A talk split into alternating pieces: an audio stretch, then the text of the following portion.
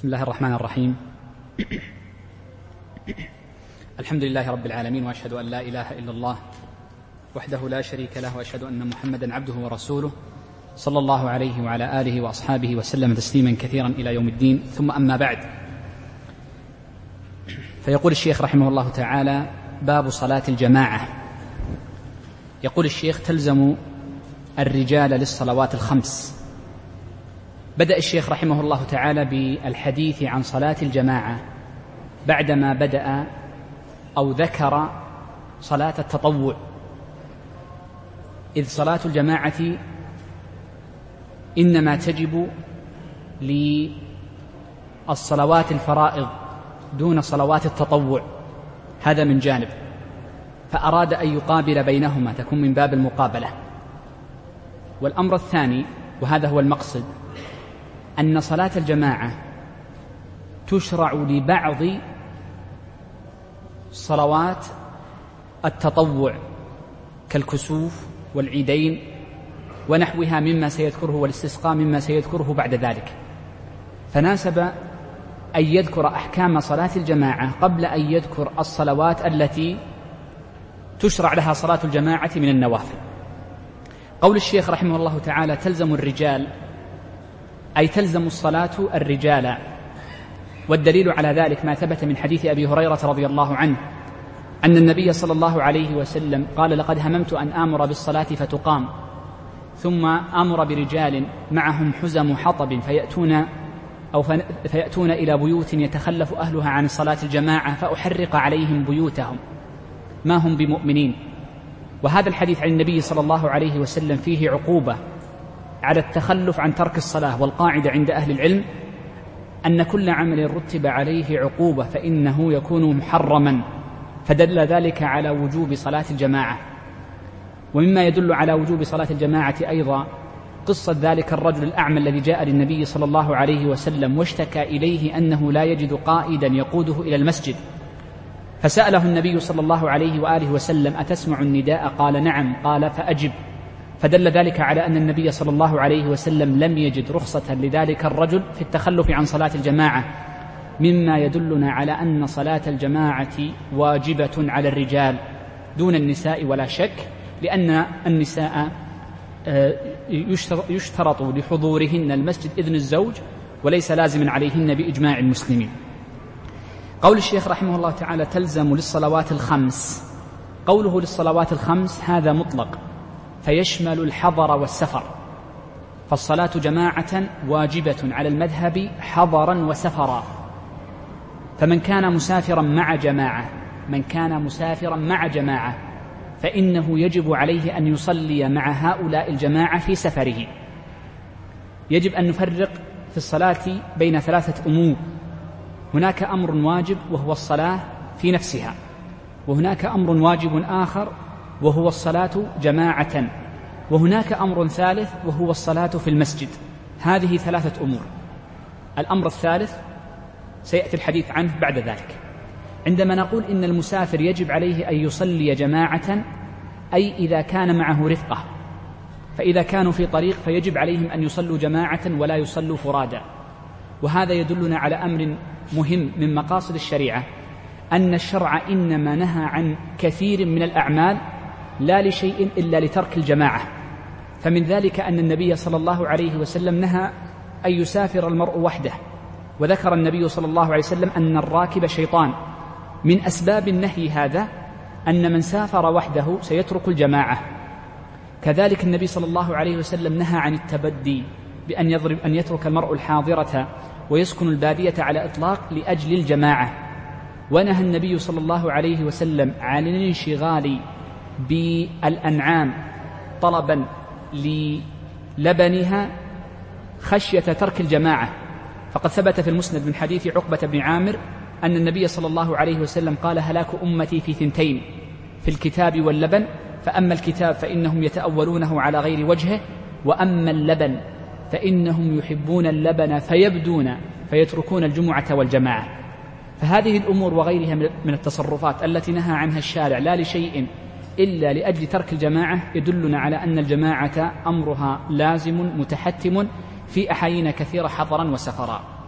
يقول الشيخ لا شرط أي أن صلاة الجماعة ليست شرطا لصحة الصلاة والدليل على أنها ليست بشرط أن النبي صلى الله عليه وسلم صحح صلاة الفذ فثبت عنه صلى الله عليه وسلم أنه قال صلاة صلاة المرء في الجماعة تفضل صلاة الفذ ببضع وعشرين درجة. فهنا صحح النبي صلى الله عليه وسلم صلاة الفذ المنفرد ولم يجعل الجماعة شرطا لصحتها فدل على أنها تصح. قال وله فعلها في بيته. أي ويصح له أن يفعلها في بيته. فإن فعلها في بيته صحت الصلاة وأجزأته وسقط عنه وجوب الصلاة.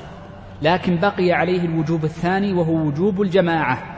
وجوب الجماعة فإن الجماعة باقية عليه لا تسقط إلا لعذر من أعذار ترك الجماعة التي ستأتي. يقول الشيخ وتستحب صلاة أهل الثغر في مسجد واحد. بدأ الشيخ رحمه الله تعالى بذكر المساجد وصفة المساجد التي يفضل الصلاة فيها على غيرها. فذكر أولا أن أهل الثغر أي الذين يكونون قريبين من العدو ويخشون أن ينزل بهم العدو في أي لحظة وأن يهجم عليهم قال إن الأفضل لهؤلاء أن يصلوا في مسجد واحد. والدليل على أن الأفضل لهم أن يصلوا في مسجد واحد أمران. الأمر الأول الإجماع وقد نقله غير واحد أن الأفضل في الثغور أي البلدان التي تكون قريبة من الأعداء أن يجتمع المسلمون فيها في مسجد واحد. والأمر الثاني من حيث المعنى قالوا لأن أهل الثغر إذا كانوا مجتمعين كانت شوكتهم أقوى ونكايتهم من حيث الأثر في عدوهم أشد. فإذا رأى عدوهم وجاسوس عدوهم هؤلاء المسلمين وقد اجتمعوا في مكان واحد وتكاثروا في موضع واحد في الصلاة فإن هذا يدل على اجتماع كلمتهم وألفتهم فكان ذلك أنكى في عدوهم. قالوا وهو أيضا أنفع لأنه إذا جاء الصارخ ونادى المنادي فإنهم يكونون مجتمعين ويبلغ بعضهم بعضا ويكون أسهل في التواصل بينهم وهذا دليل استئناسي.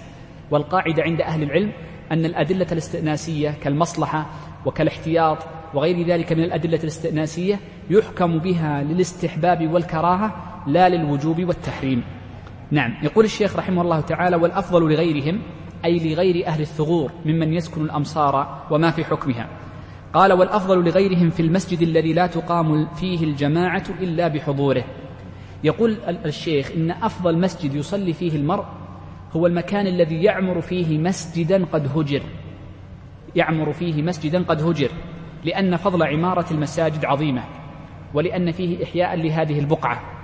وقد جاء في بعض الآثار وإن كان إسنادها لا يصح ولها ألفاظ متعددة أن من صلى في موضع شهد له فيه وأن من أحيا بقعة من البقاع في الصلاة فيها فإن له فيه أجرا عظيما ولكن لا يصح في ذلك حديث.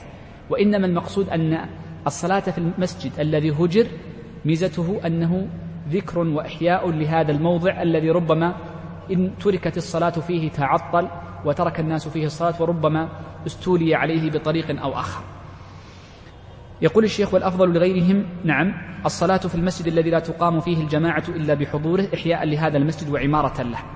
قال ثم ما كان أكثر جماعة.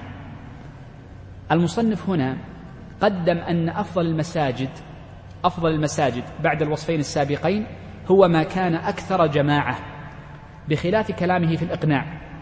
فإنه في الإقناع ومثله صاحب المنتهى الشيخ ابن النجار ومثله قبل أو قبلهما آه، برهان الدين بن مفلح ويسمى ابن مفلح الحفيد ومثله أيضا غير واحد من متأخر الحنابلة جعلوا المسجد العتيق مقدم على الأكثر جماعة. والظاهر عند المعتمد عند المتأخرين تقديم المسجد العتيق وهو الأكثر. عند المتأخرين من الحنابلة يقدمون المسجد العتيق الأقدم على الأكثر جماعة. ويبدو أن الشيخ إنما قدم ما كان أكثر جماعة على ما كان مسجدا عتيقا لأن الحديث فيه أصح. إذ الحديث الدال على أن المسجد الذي يكون أكثر جماعة ثابت في المسند وسنن أبي داود من حديث أبي الدرداء رضي الله من حديث أبي بن كعب رضي الله عنه أن النبي صلى الله عليه وسلم قال صلاة الرجل صلاة الرجل مع الرجل أزكى من صلاته وحده وصلاته مع الرجلين أزكى من صلاته مع الرجل وما كان أكثر فهو أحب إلى الله عز وجل أو ما كان أكثر فهو أفضل عند الله عز وجل. وهذا الحديث رواه الإمام أحمد وأبو داود بإسناد صحيح. يقول الشيخ ثم المسجد العتيق. وذكرت لكم قبل قليل أن المتأخرين بل جلهم يرون أن المسجد العتيق مقدم على الأكثر جماعة. ودليلهم على أن المسجد العتيق يكون أفضل قالوا لأن الله عز وجل فضل مسجد النبي صلى الله عليه وسلم على المسجد الضرار على مسجد الضرار. فكل ما كان مسجدا آخر بعده جادا بعده فإنه يكون فيه يعني من هذا الجانب أن مسجد الضرار فضل بأوجه منها أنه كان واردا بعد الأول هذا من جهة. ومن جهة أخرى أنه ورد فيه حديث لكنه لا يصح مطلقا في تفضيل أن المسجد العتيق أفضل أن المسجد العتيق أفضل لكن إسناده ضعيف جدا ولذا الأولى عدم الاحتجاج به. يقول وأبعد أولى من أقرب أي إن المسجد إذا كان أبعد فإنه يكون أولى من من المسجد الأقرب لكثرة الخطى فإن المرأة له في كل خطوة يخطوها حسنة في الفرائض الخمس كما جاء في حديث أبي هريرة في الصحيحين. وفي صلاته للجمعة في كل خطوة يخطوها أجر له أجر سنة صيامها وقيامها كما ثبت من حديث أوس بن أبي أوس الحدثاني عند أهل السنن. فكلما كان أبعد كلما كان أعظم له في الأجر. وقد ثبت في الصحيح أن النبي صلى الله عليه وسلم لما شكى له بني سلمة أو لما شكى له بنو سلمة بعد بيوتهم عن المسجد قال النبي صلى الله عليه وسلم يا بني سلمة دياركم أي دياركم تكتب آثاركم تكتب آثاركم. كذلك ثبت في الصحيحين أن النبي صلى الله عليه وسلم قال أعظم الناس أجرا في صلاته أبعدهم ثم أبعدهم ممشى. وهذا الحديث نص على أن المسجد كلما كان أبعد في المشي فإنه يكون أعظم في الأجر وعرفنا الأجر وتقديره قبل قليل في الحديثين وأنه في الفرائض يختلف عنه في الجمعة. نعم. يقول الشيخ رحمه الله تعالى ويحرم ويحرم أن يؤم في مسجد قبل إمامه الراتب إلا بإذنه أو عذره. قول الشيخ رحمه الله تعالى ويحرم أن يؤم في مسجد قبل إمامه الراتب. معنى ذلك أن المسجد إذا كان له إمام راتب والمراد بالإمام الراتب هو الإمام الذي يكون ملازما لهذا المسجد إما بتنصيب إن كان من تنصيب مثل هذه الوظائف أو يكون باتفاق من أهل المسجد من أهل المسجد أو لبانيه عند تنازع أهل المسجد على الخلاف الذي ذكره الفقهاء فيما لو تنازع أهل المسجد. هل يقدم الأقرع هل يقرع بينهم أم يقدم من اختاره من بنى المسجد؟ هذا ذكر فيه أهل العلم خلاف والأقرب أنه يقرع بينهم وأنه ليس أفضلية ليست أفضلية لمن بنى المسجد. هذا كلام فقهاء الحنابلة ولهم في كلام ربما نذكره فيما بعد. إذا عرفنا من هو الإمام الراتب. فإن كان هناك إمام راتب فإنه يترتب عليه حكما فيما يتعلق التقدم بين يديه بأن يؤم شخص في مكانه. نقول الحكم الأول أنه يحرم. فمن تقدم في مسجد له إمام راتب فإنه يكون آثما. والدليل على ذلك ما ثبت في صحيح مسلم أن النبي صلى الله عليه وسلم قال لا لا يؤمن الرجل الرجل في سلطانه. فدل ذلك على أنه لا يجوز أن يتقدم الإمام الراتب أن, أن يتقدم على الإمام الراتب في الصلاة. إذن هذا الحكم الأول أنه يحرم. الحكم الثاني لو تقدم هذا من غير عذر وسنتكلم عن الأعذار بعد قليل فهل تصح صلاته وصلاة المؤمنين خلفه أم لا؟ فيها روايتان مذكورتان عند المتأخرين. قيل إنها تصح وقيل إنها لا تصح. والذي عليه أغلب المتأخرين أن من تقدم بين يدي صلاة بين يدي الإمام الراتب فإن صلاته غير صحيحة. ما تصح صلاته فيجب عليه الإعادة. هذا المعتمد عندهم لأنه نهي والنهي هنا يقتضي الفساد. وتكلمنا قبل هل النهي يقتضي الفساد أم لا وذكرنا القاعدة فيه عند المذهب وعند غيره من أهل العلم. فقالوا إن الصلاة لا تصح. هذا المعتمد عند كثير من متأخري الحنابلة. طيب. يقول الشيخ قبل إمامه الراتب إلا بإذنه أو عذره. لا يجوز أن يتقدم على الإمام الراتب إلا بأحد سببين. إما بإذنه بأن يأذن. إذنا نصيا كأن يستخلف مثل ما فعل النبي صلى الله عليه وآله وسلم حينما مرض فأمر أن يصلي بالناس أبو بكر الصديق رضي الله عنه. فأمر أن يصلي أبو بكر الصديق رضي الله عنه بالناس فهنا أذن عليه الصلاة والسلام لأبي بكر أن يصلي. أو بالإذن العرفي بصورة الإذن العرفي أن يقول الإمام إن تأخرت عن الوقت الفلاني فقدموا فلانا أو ليتقدم أحدكم فهذا من الإذن العرفي. قال أو عذره فلا بد أن يكون له عذر. وقد عدد الفقهاء العذر فقالوا إن الأعذار التي يجوز أن يتقدم على الإمام الراتب فيه في, في الإمامة في مسجده ثلاثة. أول هذه الأعذار قالوا أن يتأخر ويضيق الوقت إلا عن الصلاة. شوف يضيق الوقت إلى آخر الوقت. إذن أن يضيق الوقت إلى آخر الوقت ولو انتظره الناس إلى آخره. إذن أن يتأخر ويراسلونه ثم يضيق إلى آخر الوقت طيب فإن تأخر عن وقته المعتاد يعني هو معتاد يجري بعد الأذان بربع ساعة. أليس كذلك؟ قالوا لو تأخر عن وقته المعتاد ينتظر ولا يجوز أن يتقدم عليه. أنا سأتكلم عن القاعدة ثم سأذكر عن حالنا بعد قليل. انتظروا سنأخذ القاعدة كاملة. إذا الحالة الأولى قلنا ماذا؟ أن يتأخر حتى يضيق الوقت ليس أن يتأخر عن وقته المعتاد.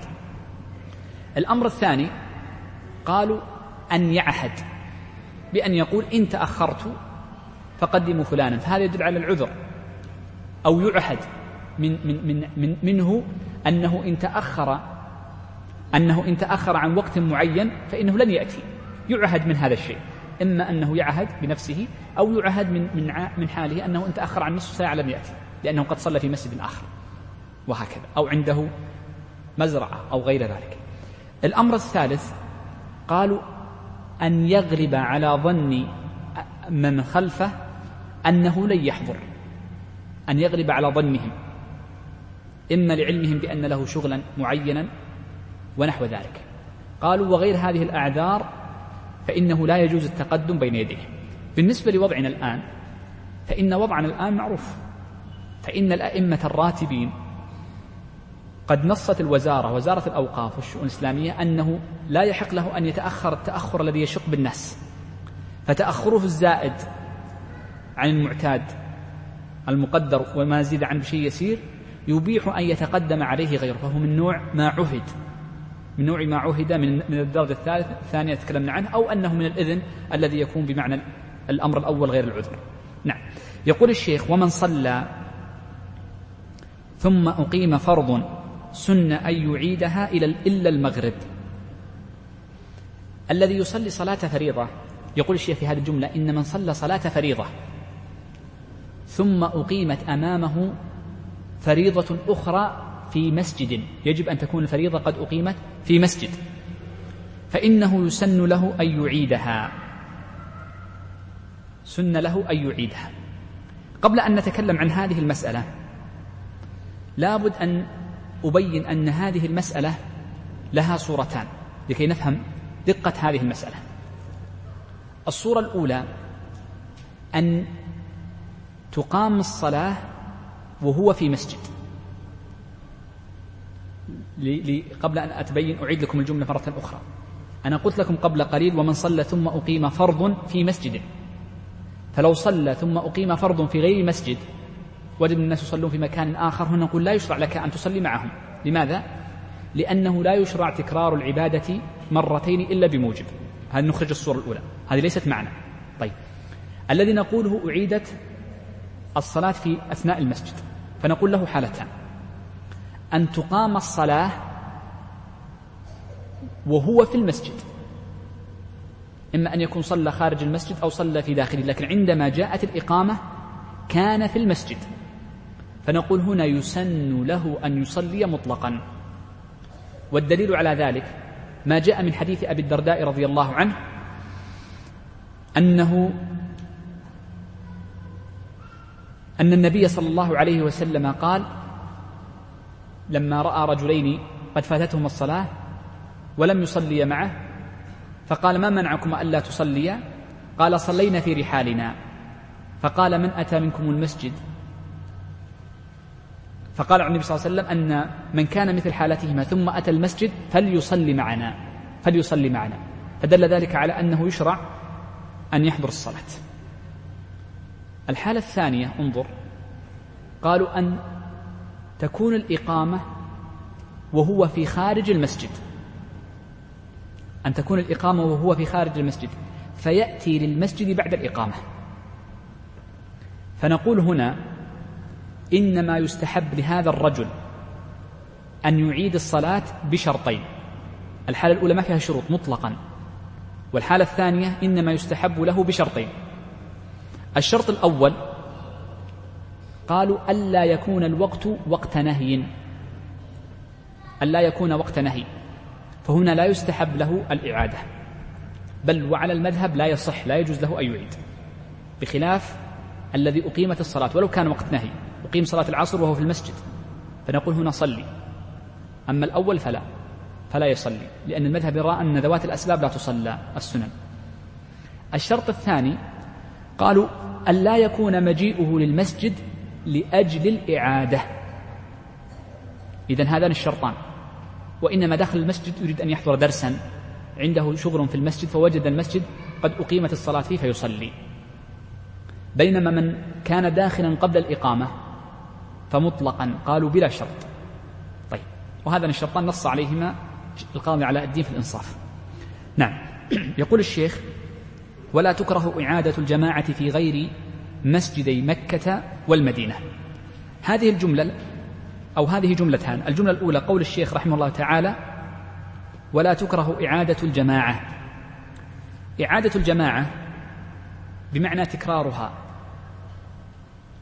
ولا يشرع تكرار الجماعة وإعادتها إلا في المسجد كما سبق معنا قبل قليل فإن الفرض لا تعاد إلا في المسجد. والدليل على أنه لا يشرع أن النبي صلى الله عليه وسلم من حيث ثبت عند أبي داود من حيث أبي سعيد رأى رجلا قد فاتته الصلاة فقال من يتصدق على هذا؟ فهذا الرجل أعاد الصلاة مع هذا الرجل الذي فاتته الصلاة. وحديث أبي ذر الذي قلت لكم قبل قليل أنه قال من صلى في رحله ثم جاء المسجد فليصلي معنا فليصلي معنا. فهذا دليل على أنه يشرع تكرار الجماعة أو إعادتها. وما جاء من حديث أبي بكر الثقفي من النهي عن تكرار الجماعة فإن له معنى عند الفقهاء قالوا أن يتعمد التكرار بأن يترك الجماعة الأولى يفوت الجماعة الأولى ليقصد الجماعة الثانية وهذا فيه تفريق ولا يجوز. طيب. آه أيضا قول, قول الشيخ ولا تكره إعادة الجماعة هنا لا يفرقون على المذهب. انتبه هذا خلافا للشافعي وغيره أن المذهب لا يفرقون بين المسجد الذي له إمام راتب والذي ليس له إمام راتب.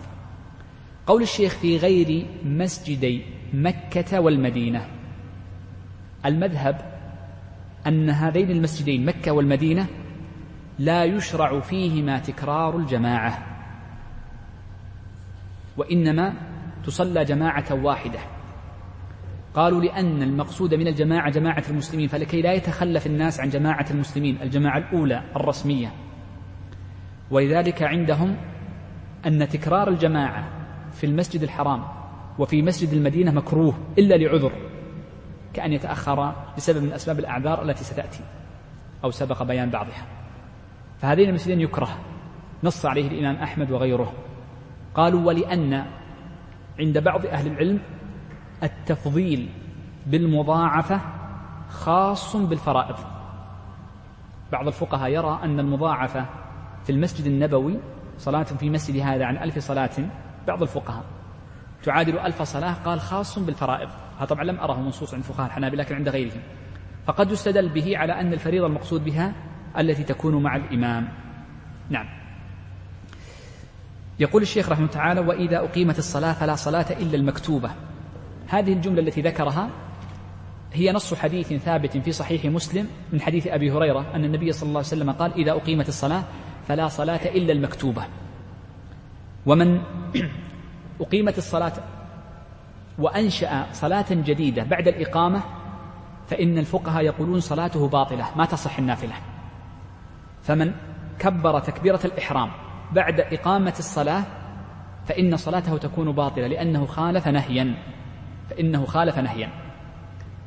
والصورة الثانية أن يكون قد ابتدأ تكبيرة الإحرام قبل أن يكون ابتدأ تكبيرة الإحرام قبل الإقامة. وهذه سيذكرها الشيخ بعد قليل. قال الشيخ فإن كان في نافلة أي أنه بدأ تكبيرة الإحرام قبل الإقامة أتمها. أتمها لأن الله عز وجل يقول ولا تبطلوا أعمالكم. فالإنسان يتم صلاته خفيفة إلا أن يخشى فوات الجماعة فيقطعها لأن إدراك الجماعة فضلها أعظم من فعل النافلة فهنا يقطع الفريضة لأجل أو يقطع النافل لأجل إدراك تكبيرة الإحرام وأجرها أعظم. والفقهاء هنا يقولون إن هذه النافلة التي يتمها لا فرق بين أن يكون قد صلاها في المسجد أو خارجه كأن يكون في بيته مثلا ثم سمع المؤذن يقيم الصلاة فإنه يتمها خفيفة ثم يأتي ما لم يخشى فوات الجماعة. أو العكس كأن يكون في المسجد. نعم. يقول الشيخ رحمه الله تعالى ومن كبر قبل سلام إمامه. أو قبل ذلك نقول آه، الدليل على أن فوات الجماعة يقطع لأجلها الصلاة ما روي عند ابن حبان وصححه أن ابن عباس رضي الله عنهما قال كنت أصلي وأخذ المؤذن بالأذان أي الإقامة. فأخذ النبي صلى الله عليه وسلم برأسي وقال أتصلي الفجر أربعا؟ فدل ذلك على أنها تقطع إذا كان خشية فوات الجماعة إما كلا أو بعضا. قال ومن كبر قبل سلام إمامه لحق الجماعة. هذا من المذهب المذهب أن الجماعة تدرك بالدخول قبل السلام. فمن دخل مع الإمام قبل السلام ولو لم يدرك ركعة واحدة فإنه يكون أدرك الجماعة. ودليلهم في ذلك ما ثبت من حديث عائشة رضي الله عنها أن النبي صلى الله عليه وسلم قال من أدرك سجدة يعني شيئا يسيرا من العصر قبل غروب الشمس فقد أدرك الصلاة. فدل ذلك على أن من أدرك جزءا من الصلاة فإنه يكون مدركا لها. قال وإن لحقه راكعا دخل معه الركعة. الفقهاء يقولون إن الصلاة تدرك بالدخول قبل السلام. وأما الركعة فإنه فإنها تدرك بإدراك الركوع. والدليل على ذلك ما ثبت من حديث أبي هريرة في الصحيح أن النبي صلى الله عليه وسلم قال من أدرك ركعة من أدرك الركوع فقد أدرك الركعة. والحديث الصحيح. والفقهاء لما قالوا إن إدراك الركوع معناه إدراك الركعة. قالوا أي إدراك أقل ما يسمى ركوعا. أقل ما يسمى ركوع. وذلك بأن يدخل المأموم مع الإمام. فيفعل أقل ما يسمى ركوع قبل أن يرفع الإمام قبل أن يتحرك. إذ الرفع من الركوع منفصل عن الركوع ومنفصل عن القيام فهو واجب بين ركنين وأقل ما يسمى ركوعا كما سبق معنا في صفة الصلاة هو أن يضع المرء يديه على ركبتيه ويحني ظهره وكل انحناء مع وضع اليدين على الركبتين يسمى ركوعا يسمى ركوعا ولو لم يطمئن. وبناء على ذلك من كان في مسجد ثم وضع يديه وكان الإمام راكعا فوضع يديه وقف في الصف فكبر ثم وضع يديه على ركبتيه قبل أن يقول الإمام حرف السين من سمع الله لمن حمده. أو إذا كان ينظر الإمام بأن يكون خلفه قبل أن يرى الإمام قد ارتفع من ركوعه. أي شيء من هذين الأمرين فإنه يكون مدركا للركعة. ولو لم يطمئن ولو لم يستقر في ركوعه. وإنما يستقر بعد ذلك ويأتي بالواجب وهو الركن الاطمئنان ثم يأتي بالواجب الذي بعده وهو التسبيح. نعم. يقول الشيخ نعم. آه آه نعم. قوله وأجزأته التحريم نعم. قال وأجزأته التحريمة آه، أجزأته التحريم أي أنه لا يجب عليه إلا تكبيرة واحدة وهي, وهي تكبيرة الإحرام. فيقول الله أكبر. وهل يشرع أن يأتي بتكبيرة ثانية؟ قالوا نعم يستحب ولكنه ليس بواجب. طيب. نأتي هنا لهذه التكبيرة انظر. هذه التكبيرة التي يفعلها من؟ من دخل مع الإمام والإمام راكع. نقول هذه التكبيرة يجب أن تكون النية فيها نية تكبيرة الإحرام. لأنه قال الشيخ أجزأته التحريمة أي لا بد أن تكون نيتها نية الإحرام. مفهوم هذه الجملة؟ أنه لو نوى أن هذه التكبيرة تكبيرة الركوع فإن صلاته غير صحيحة. ويقول الفقهاء أيضا لو نوى أن هذه التكبيرة عن الثنتين يقول لا تجزئه أيضا. هذا كلام. لا تجزئه أيضا. لأن أن أنها لا تتزاحم. هنا واجبان منفصلان فيجب أن ينوي أنها تكبيرة الإحرام. هذا ما يتعلق بأمر النية. الأمر الثاني من حيث الفعل الفعل لها فقلت لكم قبل قليل أنه يجزئ واحدة ويستحب أن تكون ثنتين ولكن هذه الواحدة لا بد أن يكبرها وهو واقف كتكبيرة الإحرام كهيئة تكبيرة الإحرام. لا يكبرها وهو منتقل في الطريق ولا يكبرها وهو هاول الركوع بل يجب أن تكون وهو واقف. طيب لو كبر تكبيرة الإحرام فقال الله أكبر. نقول ينحط بلا تكبير يقول الله أكبر ثم يركع. ويجوز له أن يكبر تكبيرة ثانية فيقول الله أكبر ثم يقول بعدها الله أكبر. الأولى ركن والثانية مستحبة ليست واجبة. مستحبة مراعاة للخلاف. طيب. نعم. يقول الشيخ ولا قراءة على مأموم. هذه من المسائل التي يتحملها الإمام عن المأموم. فإن الإمام يتحمل عن المأموم أشياء كثيرة جدا. منها منها على سبيل المثال هي تقريبا عشرة. نأخذ منها على سبيل المثال الإمام يتحمل عن المأموم القراءة قراءة الفاتحة. ويتحمل عن المأموم قراءة ما زاد عن الفاتحة في الأوليين الجهريتين. ويتحمل عن المأموم أيضا آه، السترة. ويتحمل عن المأموم أيضا قالوا التشهد الأول إن كان مسبوقا. ويتحمل عن المأموم أيضا التسميع وهو قول سمع الله لمن حمده فإنما يقول المأموم ربنا ولك الحمد فقط. ويتحمل عن المأموم أيضا قالوا دعاء القنوت فإن الإمام يقنت والمأموم لا يقنت وإنما يؤمن, يؤمن فقط.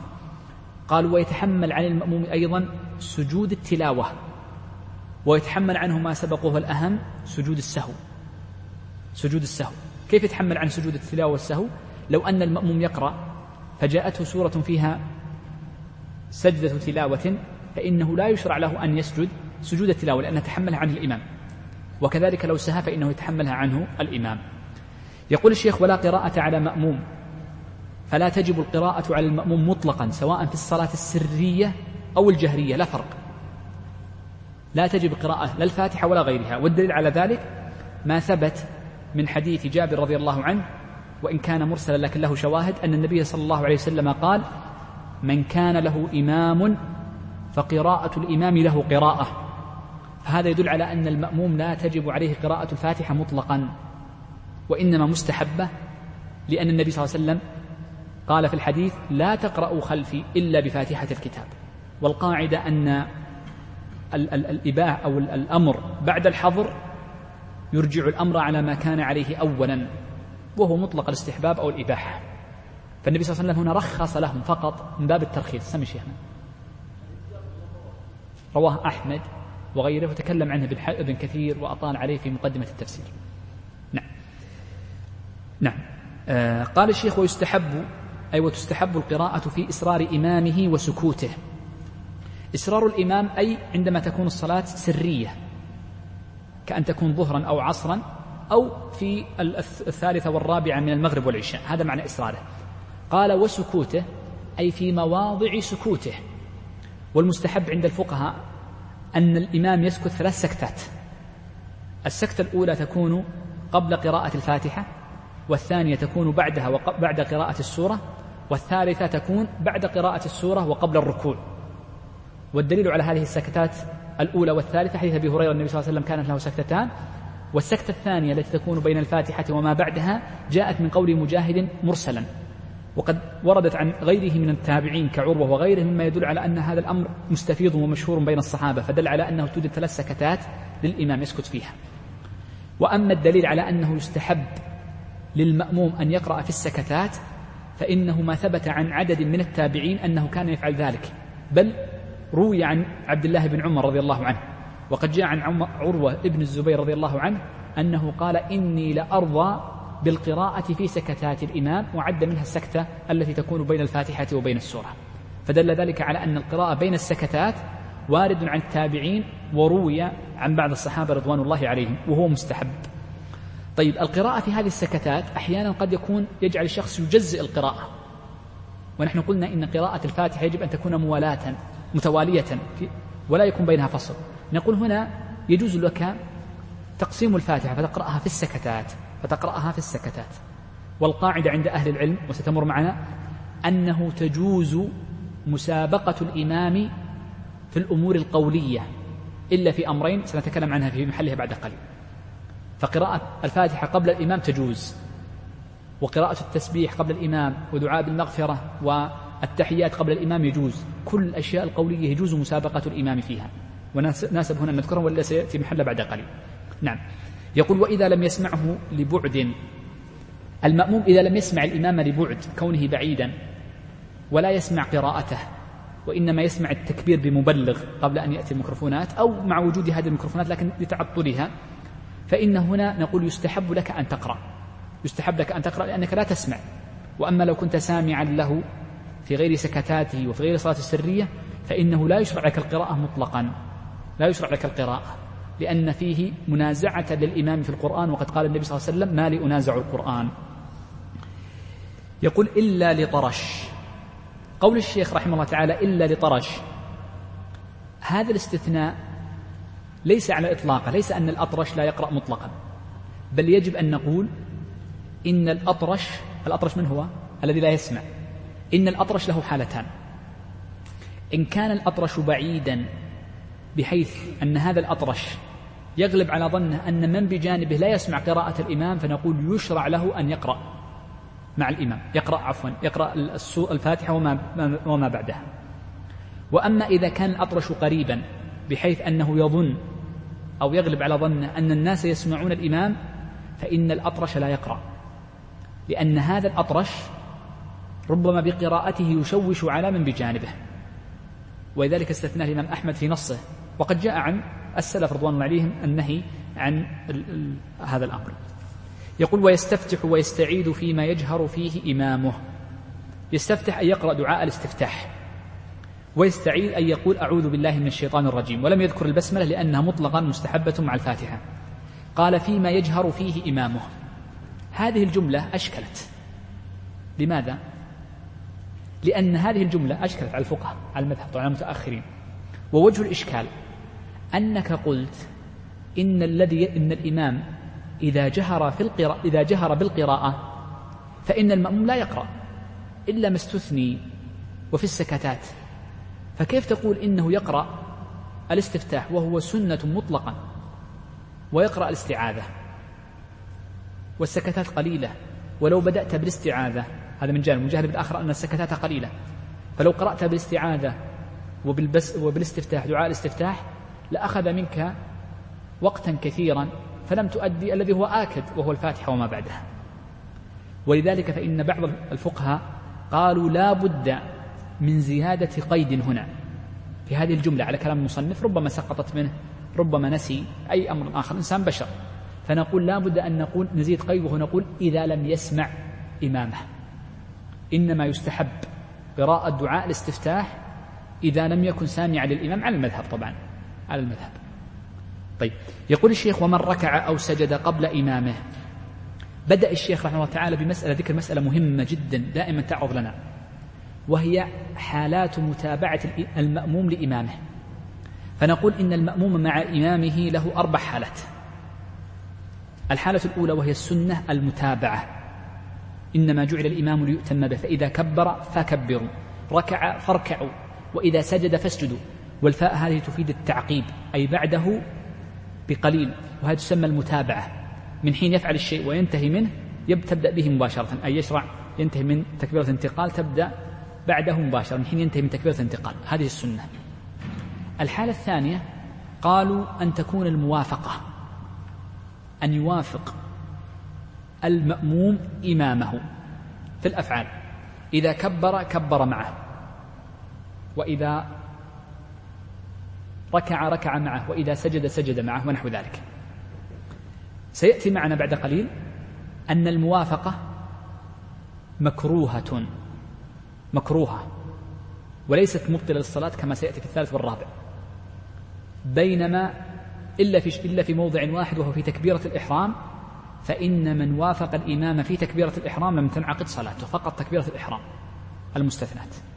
وما عدا ذلك فإنه مكروه ولا يبطل الصلاة. ولا يلزم الرجوع وإن كان الرجوع أولى الحالة الثالثة قالوا المسابقة بمعنى أن يسبق المأموم الإمام. والحالة الرابعة التأخر بأن يتأخر المأموم عن إمامه. والحكم في المسابقة كالحكم في التأخر. وسنذكر هذين الحكمين بعد قليل لأنها مفصلة عند الفقهاء.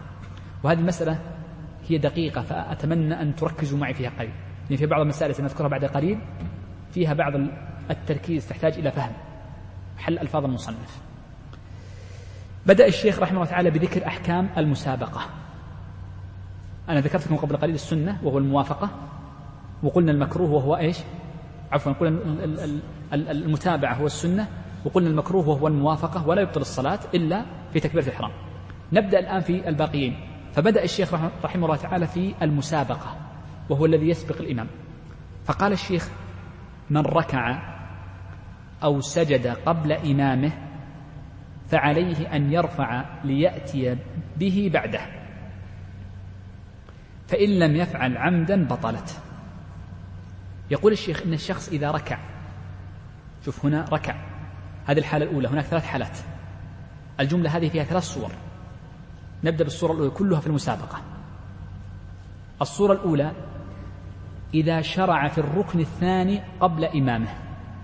شوف شرع في الركن التالي قبل إمامه. ركع ثم تبعه الإمام فركع بعده. سجد ثم تبعه الإمام فسجد بعده. يعني ما زالوا في الركن توافقا في الركن بعد ذلك. في هذه الحالة يقولون سواء كان عامدا أو جاهلا أو ناسيا فإن صلاته تصح. إذا تداركه فرجع. إذا تداركه فرجع. ولو كان متعمدا فركع قبل الإمام متعمدا يجب عليه أن يرجع ويقف ويستتم ثم يقول الله أكبر ويكبر. قلنا عامدا لا فرق بين العامد والجاهل والناسي. أما الصورة الثانية والثالثة ففي فرق بين العامد والجاهل. نعيد الصورة الأولى. الصورة الأولى ما هي؟ أن يسبقه في ركن واحد يشرع فيه ما, ما أكمله ركن ثم يتبعه الإمام فيه. فهنا نقول لا فرق بين العامد والجاهل والناس. الحكم في الجميع أنه يجب عليه أن يرجع. إذا كان ذاكرا فيأتي بالركن. فيأتي ثم يتبعه ركعت قبل الإمام ثم ركع بعدي يجب علي أن أقوم ثم ألحقه بالركوع. أعيد تكبيرة الانتقال لأنها واجب. هنا سبقته بالواجب فقط. سبقته في الواجب فيجب علي أن أعود لأفعله. نعم. يقول فإن لم يفعل عمدا بطلت. لم يقل نسيانا. لأن الذي فاته مع الإمام شيء واحد وهو ماذا الواجب. ركوعه مع الإمام صحيح. لكن هو سبق الإمام في الهوي للركوع. أليس كذلك؟ هو سبقه في الهوي للركوع. ففات عليه الركوع. عفوا ففات عليه الهوي للركوع. فمن تعمد فوات هذا الشيء فإنه تبطل صلاته. أما الناسي والساهي فإنها لا تبطل. أعيدها بأسلوب آخر. الصورة هذه ماذا؟ أن يسبق المأموم الإمام في شروع في ركن في الشروع في ركن. في ركوع أو سجود. نقول هنا سواء كان عالما أو جاهلا أو ناسيا يجب عليه أن يرجع. فإن لم يرجع فإن لم يرجع نقول إن كنت عامدا بطلت صلاتك. عامد عارف الحكم. ولو كنت ناس ابتداء لكن تعمدت عدم الرجوع بطلت صلاتك. فإن كان ناسيا أو جاهلا انتهت الصلاة ومشى وهو لا يدري بالحكم. وبعض الناس ترى يسابق تشوفهم في الحرم يسابق هو جاهل بالحكم. نقول هذا الصلاة الصحيحة لأنه جاهل بالحكم. هنا لأنه جاهل. عفونا عن رجوعه. شوف عفونا عن رجوعه. لماذا فرقنا بين الجاهل والعامد؟ لأن الذي فاته مع الإمام هو واجب وهو الانتقال فقط. إذا هذه الصورة الأولى وانتهينا منها.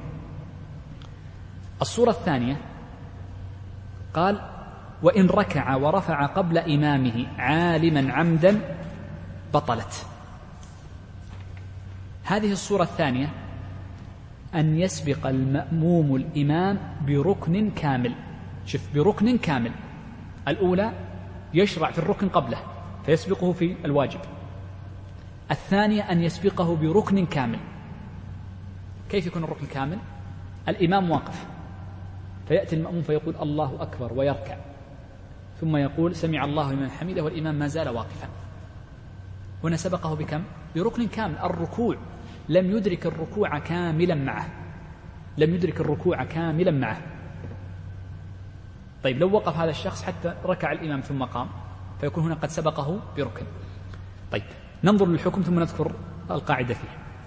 يقول وإن ركع ورفع قبل ركوع إمامه عالما عمدا بطلت صلاته. لماذا؟ لأنه ترك ركنا. ومن ترك ركنا متعمدا بطلت صلاته بالكلية. طيب انظر في هذه الصورة. قال وإن كان قد ترك سبقه بركن. شوف سبقه بركن كامل. جاهلا أو ناسيا ماذا؟ بطلت الركعة فقط. لأن هذا الجاهل والناسي نقول متعلقة بركعتك. صورة هذه المسألة زي ما قلت لكم قبل قليل. واحد قال الله أكبر وركع والإمام ما زال واقف. ثم قال سمع الله لمن حمده. أو خلنا نعطيكم صورة أوضح.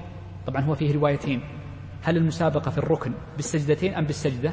والمعتمد على المتأخرين أن السجدة واحدة تكفي. فقط أشرت لهذا لكي يعني لا يريد عليه أحد إشكال. أظهر في الصلاة بعض الناس يسمع الإمام البعيد وهو في المسجد. وهو جالس في وهو قائم. بعد الركوع. يقول المسجد البعيد الله أكبر فيسجد. إمامك سجد ولا ما سجد؟ ما سجد. ثم سمع البعيد يقول الله أكبر فقام. فجلس جلسة بين السجدتين فإذا بالإمام الآن يهوي للسجود. قال ما دام إني سجدت خل أنتظر. فسجد الإمام ثم جلس. فصار المأموم مع الإمام معا. وضحت الصورة؟ طيب ما الحكم فيها؟ إذا كان عامدا بطلت الصلاة. إذا كان جاهلا أو ناسي مثل صاحبنا هذا جاهل بالحكم أو ناسي أخطأ. بطلت الركعة. ما فيها تدارك. الأولى فيها تدارك. هنا سبقه بركن كامل ما يتدارك. طيب. إذا هذه الصورة الثانية. طبعا يقول ما لم يأتي بما فاته. هل يعني قضية التدارك هذا. طبعا بعضهم بعض المتأخرين يقول إنه بالإمكان أن يكون للمأموم أن يتدارك. وبعضهم يقول لا على الإطلاق. بناء على اختلاف رأي الشراح في هذا. لكن نمشي ظاهر كلام الشيخ أنه ليس كذلك وإن كان صاحب المنتهى يرى أنه بإمكانه أن يتدارك. الصورة الثالثة انظر للثالثة. قال وإن ركع ورفع قبل ركوعه ثم سجد قبل رفعه بطلت. هذه الصورة أنا أعرف أن هذه الصورة أشكلت على بعض الإخوان. دائما هذه هذه المسألة تشكل على كثير من الإخوان فلذلك أنا ركزت فيها شوي. الصورة الثالثة ما هي؟ أن يسبقه بركنين. ليس بركن واحد. كيف؟ قال أن يركع. يكون الإمام واقف. نجيبها بالتفصيل الممل. أن يكون الإمام واقفا. فيأتي المأموم فيركع. ثم يقوم. شوف ثم يقوم. فلما قام قال الإمام الله أكبر وركع. فجاء صاحبنا فسجد. زين؟ فسجد أين الركنان اللي سبق فيه؟ اللذان يعني يكون ال ال ال ال المأموم سبق الإمام فيها. لا. ركنان كاملان. الركوع والرفع منه. تصورت الآن؟ سبق المأموم الإمام في ركنين وهما الركوع كاملا. ما أدركت مع الإمام. والرفع من الركوع كاملا. وذكرت لكم قبل تذكرون؟ لما قلت هل الرفع هل هو واجب أم شرط؟ أو واجب أم ركن؟ وأشرت لكم قلت هذه لها صور قليلة يكون فيها الخلاف. طيب. هذه الصورة إن ركع ورفع قبل ركوعه ثم سجد قبل رفعه قال بطلت. تبطل. الصلاة مطلقا. إلا الجاهل والناسي. تبطل مطلقا. يعني ليس فيها تدارك. وجها واحدا. هذه لا تدارك فيها وجها واحدا. أما التي قبلها ففيها روايتين. هل يتدارك أم لا؟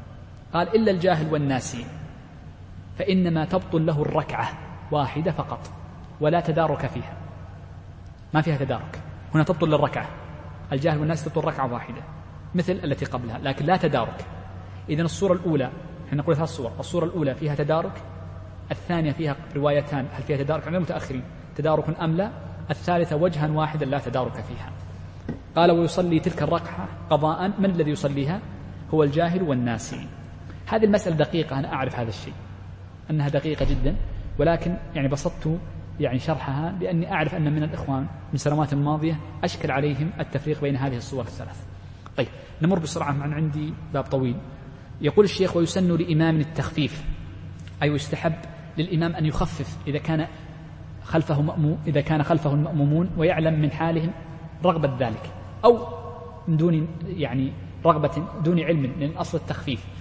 لقول النبي صلى الله عليه وسلم من أما من أم أيها الناس إن منكم منفرين. فمن أما بالناس فليخفف.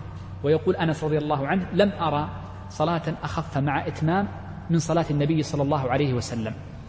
وهذا التخفيف الذي يكون للمأمومين يقولون له قيدان. القيد الأول يجب أن يكون هذا التخفيف المشروع بحيث أنه يستوعب فعل أقل السنن. يجب أن تفعل فيه السنن. على سبيل المثال التسبيح ثلاثا وهو أقل الكمال يجب أن لا يكون التخفيف أقل من ثلاث منهي عنه. فالمراد بالتخفيف أن يفعل فيه أقل السنن على أقل الأحوال. هذا الأمر الأول القيد الأول. القيد الثاني قالوا أن هذا التخفيف إنما يشرع فيما لو لم يكن الإمام يعلم من من حال المأمومين أنهم يريدون التطويل. أنهم يريدون التطويل.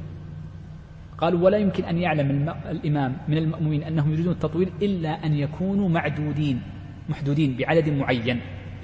كذا قالوا. لابد أن يكون محدود بعدد, بعدد معين فهو يعني يعلم بأن يكونوا محصورين ويعرفهم خمسة عشرة فإنه يكون هنا التطويل هو الأفضل لأن المأمومين آثروه. طيب. يقول وتطويل الركعة الأولى أكثر من الثانية. أي ويستحب ويسن تطويل الركعة الأولى أكثر من الثانية وقد جاء فيها أحاديث كثيرة. أن الركعة الأولى دائما تكون أطول من الثانية وطول الركعة الأولى في أمرين في القراءة وفي الركوع والسجود.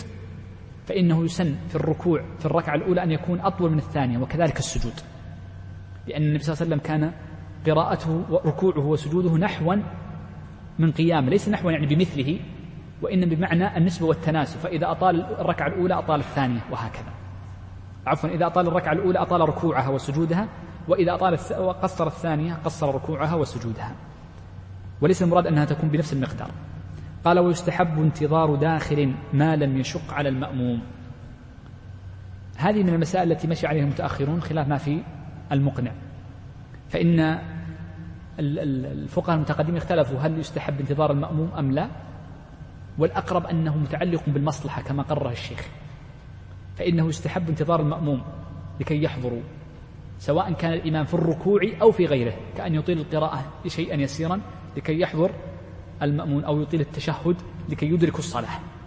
فإنه يستحب لأجل أن يدركوا فضيلة قد تفوت عليهم. يقول الشيخ وإذا استأذنت المرأة إلى المسجد كره منعها. المرأة يجوز لها أن تصلي في مسجد في المسجد وتحضر الجماعة ولكن صلاتها في بيتها أفضل كما قال صلى الله عليه وسلم وصلاتها في بيتها أفضل. لكن إذا استأذنت المرأة زوجها للحضور فإنه يستحب أن لا يمنعها ويكره منعها لأن النبي صلى الله عليه وسلم قال لا تمنعوا إماء الله مساجد الله فإذا استأذنت فإنها لا تمنع إلا أن تكون هناك فتنة أو ضرر عليها فتنة كأن يعلم من حالها أو حال المجتمع. هذا أمر أو يكون هناك ضرر بأن يكون هناك خوف ونحو ذلك من الأمور. يقول الفقهاء استئذان المرأة هنا الشيخ لم يذكر زوجها. وهذا يدل على أن المرأة تستأذن زوجها ووليها. وهذا هو المذهب عند المتأخرين. فإنه يستأذن هنا الولي بحسب الحضانة. كذا عبروا. فالمرأة تستأذن البنت تستأذن أباها ولذلك يقولون يستحب للأب أن يمنع بنته من حضور المسجد إذا كان فيه تظهر بزينة أو عطر ونحو ذلك. فيقول إنه ليس خاصا بالزوج وإنما هو عام ذلك الشيخ لم يذكر الزوج. قال وبيتها خير لها لحديث النبي صلى الله عليه وسلم. نعم. يقول الشيخ رحمه الله تعالى فصل بدأ الشيخ رحمه الله تعالى في ذكر بعض أحكام الإمامة في هذا الفصل. يقول الأولى بالإمامة الأقرأ العالم فقه الصلاة ثم الأفقه. الأصل في ذلك حديث أبي مسعود الأنصار رضي الله عنه أن النبي صلى الله عليه وسلم قال يا أم القوم أقرأهم لكتاب الله ثم أعلمهم بالسنة ثم ذكر باقي الحديث الذي سنذكره بعد قليل. فدل ذلك على أن أقرأ يكون أولى بالإمامة من الأفقه. والفقهاء رحمهم الله تعالى يذكرون أن الفقه والقراءة بينهما تلازم بمعنى أنه لا يمكن أن يكون الفقيه فقيها إلا أن يكون عالما بالقرآن لا يمكن.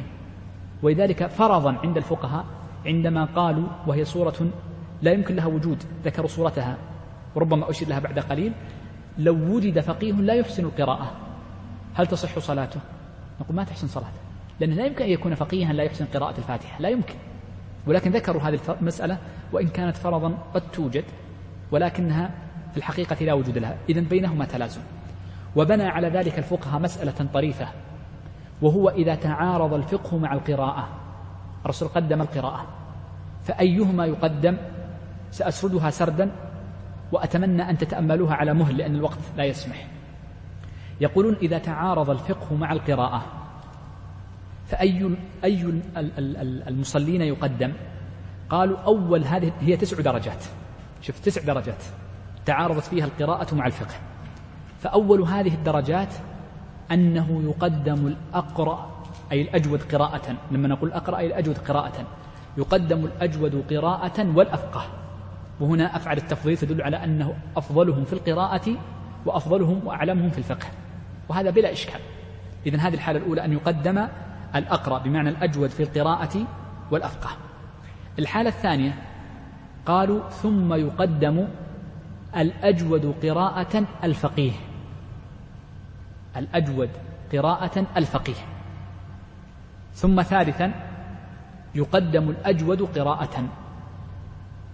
ثم رابعا يقدم الأكثر قرآنا الأفقه. شوف الأجود قراءة ليس الأكثر قرآنا. ولذلك سنفرق بين الأكثر قرآنا والأجود قراءة بعد قليل.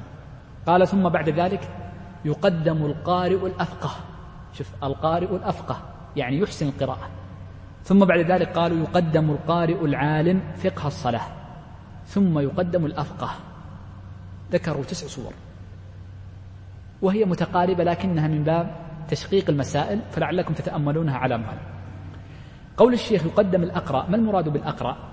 قالوا المراد بالأقرأ الأجود قراءة والأجود قراءة هو من كان معربا للقرآن فإنه يكون أقرأ. إذا يكون معرب للقرآن.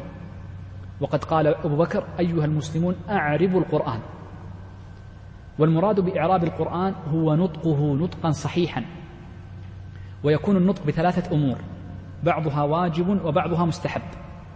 فأما الواجب فهو إخراج الحروف مخرجا صحيحا فيكون مخارج صحيحة بلغة العرب والعرب تخرج بعض الحروف متقاربة قد يختلف المخرج يسيرا فلنلزم بمخرج معين. الأمر الثاني قالوا أن يضبط حركاته فإن الحركات حروف فلا ينصب مخفوضا ولا يرفع منصوبا ونحو ذلك. والأمر الثالث أن يقرأه بلحون العرب. ولحون العرب التي جاء القراءة بها هي علم التجويد. علم التجويد. وهذا لحن العرب عند الفقهاء هو مستحب وليس واجب ولكنه من صفة الأجود. فمن عرف التجويد يكون أجود قراءة لأنه قرأ القرآن بلحون العرب. وليس المراد بالأجود قراءة الأندى صوتا أبدا. الأندى صوتا يقدم في الأذان ولا يقدم هنا ولا الأعلى صوتا ولا الذي يجيد المقامات. ولا الذي يحسن الألحان. بل إن هذه الأمور ربما كانت منهيا عنها عند بعض أهل العلم وتكلم الإمام أحمد في النهي عنها في أكثر من عشر نصوص عنه. يكره قراءة القرآن بالألحان. إذا ليس المراد بنداوة الصوت واللحن والمقامات بالعكس هذا منهي عنه في القراءة فيه. طيب. إذا عرفنا الأقرأ. الأمر الأول قلنا أن يجيد القراءة بثلاثة أمور. الأمر الثاني الأقرأ أن يكون أكثر حفظا للقرآن وبينت لكم قبل قليل فيما لو تعارض الأكثر حفظ مع الإجادة مع الفقه على تسع درجات ذكرها فقهاء الحنابلة المتأخرين. نعم. قال العالم فقه الصلاة. المراد بالفقه فقه الصلاة ولا شك. ما عداها من الفقه فإنه يكون ليس متعلقا بهذه المسألة لأن المراد بالفقه فقه الصلاة وذلك قال أعلمها بالسنة. قال ثم الأفقه. الأفقه إذا نقص القرآن وتكلمنا عن التفضيل بينهما قبل قليل. قال ثم الأسن. الأسن أي الأكبر سنا. فإن الأكبر سنا مقدم كما في حديث النبي صلى الله عليه وسلم. قال ثم الأشرف. والمراد بالأشرف شرف النسب وهو مخصوص بقريش. فإن القرشي إذا كان مستويا مع غيره في في القراءة وفي وفي الفقه وفي السن فإنه يقدم بعد ذلك. لأن النبي صلى الله عليه وسلم قال قدموا قريشا ولا تقدموهم. فمن كان من قريش فإنه يقدم. فإن كان المأمومون كلهم من قريش أو وجد قرشيان قالوا فيقدم الهاشمي على غير الهاشمي. يقدم الهاشمي على غيره. وهل يقدم من كان من ذرية فاطمة رضي الله عنها على من لم يكن من ذريته نقول لا. وإنما الهاشمي مطلقا. لم يذكروا خصيصة لمن كان من ذرية فاطمة رضي الله عنها أي من ذرية السبطين الحسن والحسين وإن الفقهاء يقولون الهاشمي سواء كان عباسيا جعفريا سواء كان علويا كلها أو, أو غيرهم من الهاشميين يقدمون على غيرهم من القرشيين. النبي صلى الله عليه وسلم قال قدموا قريشا وتقدمهم. طبعا هذا متى؟ إذا كانوا مستويين قبل. والنبي صلى الله عليه وسلم قال من بطأ به عمله لم يسرع به نسبه.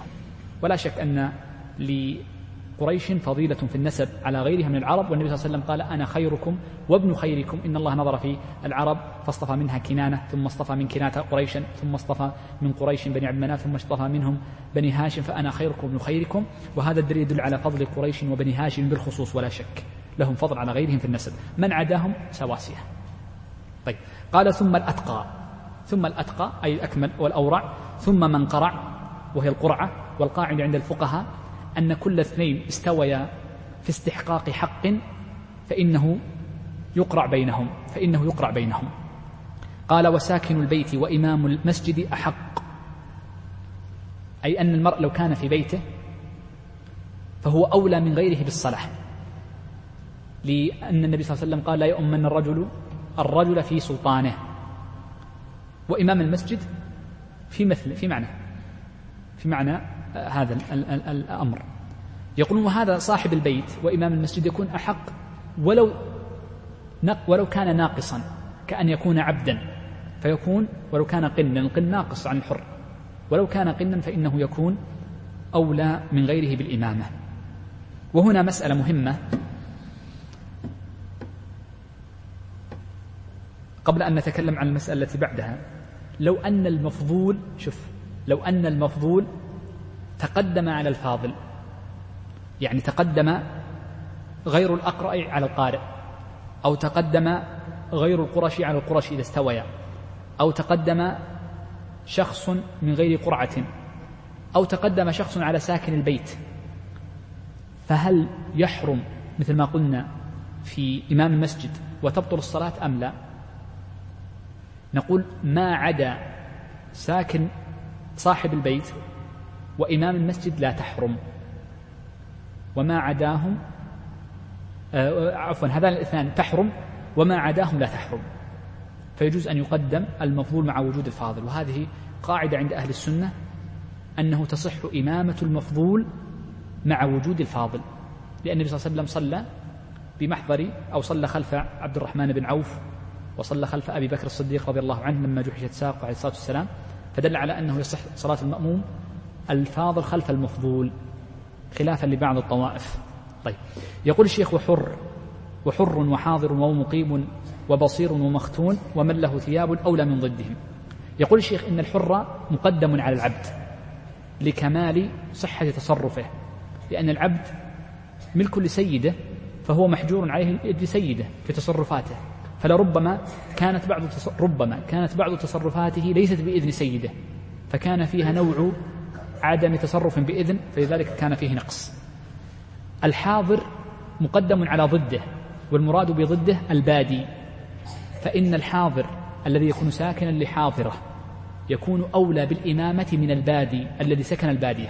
والسبب أن النبي صلى الله عليه وسلم قال من بدا فقد جفى فالذي يكون ساكنا في أغلب وقته في البادية لا يحضر جمعة ولا جماعة فإن إيمانه يكون أنقص. الذي لا يحضر الجماعة يكون إيمانه أنقص.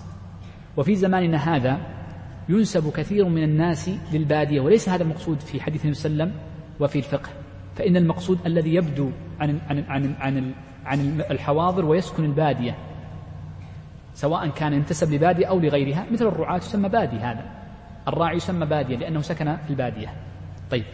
قال ومقيم أي المقيم يقدم على المسافر لأن المسافر صلاته ناقصة وربما سبب إشكالا لبعض الناس. فلا يقدم المسافر للإمامة إلا أن يكون فيه خصوصية مثل النبي صلى الله عليه وسلم لما كان إماما للمسلمين قدم على غيرهم. قال وبصير أي ويقدم البصير على الأعمى لأن البصير ربما يعني أو أن الإمام ربما احتاج لنظر فلربما جاء شيء أمامه فيحتاج أن يحترز لصلاته فيقدم البصير على غيره.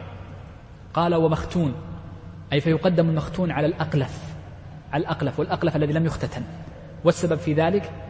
قالوا لأن الأقلف يوجد في في في في قلفته نجاسة ولا يمكن إزالتها. فيقدم عليه لكن لو قد لو صلى بالناس صحت صلاته. قال ومن له ثياب أو لا أي من من العاري. لأن العاري يصلي جالسا ومن له ثياب يصلي واقفا كما سيأتي. يقول الشيخ ولا تصح خلف فاسق ككافر. هذه الجملة فيها مسألتان. المسألة الأولى أنه لا تصح الصلاة خلف الكافر وهذا بإجماع المسلمين بإجماع المسلمين لا تصح الصلاة خلفه. والمسألة الثانية أنه لا تصح الصلاة خلف الفاسق.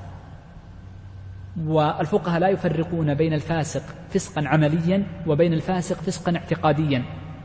فالفاسق الفسق العملي بأن يفعل المعاصي والفاسق فسقا اعتقاديا الذي يفعل البدع. أو يعتقد البدع فلا تصح الصلاة خلفه. ودليلهم في ذلك قالوا لأنه قد فقد العدالة فقد عدالة الدين فلا يقدم ولأن الإمام أحمد قال إن حديث صلوا خلف كل بر وفاجر لم يصح لا يصح. قالوا وأحمد لا يقول عن حديث وهذه المصطلحات يعني معرفة نصوص أحمد أحمد لا يقول عن حديث إنه لا يصح إلا وليس له شواهد ولا ولا متابعات من عمل الصحابة. رضوان الله عليهم. آه، الفقهاء لا يستثنون من صحة الصلاة خلف الفاسق إلا صلاة الجمعة لأنه في رواية في المذهب قوية وإن كانت خلاف المشهور أنه يشترط لها إذن الإمام فلربما كان الإمام قد نصب شخصا فاسقا والمسلمون كانوا يصلون خلف خلف يعني الولاة الظلمة وغيرهم فتصح الصلاة خلف الفاسق الجمعة. قال ولا امرأة وخنثى للرجال. أي ولا تصح الصلاة خلف امرأة مطلقا. إلا في حالة واحدة على المذهب يصح الصلاة خلف المرأة من باب الاستثناء. وهي إذا كانت الصلاة صلاة تراويح ليس في الفريضة في التراويح. وكانت المرأة وحدها تحسن القراءة فهنا عندهم يجوز أن تصلي المرأة بالرجال. شوف في التراويح وأن تكون هي المحسنة والذي خلفها لا يحسن القراءة. أما لو كان خلفها من يحسن القراءة فلا. ودل على ذلك أن أم سلمة رضي الله عنها وجاء عن بعض الصحابة أنها تقدمت بأهلها فصلت بهم.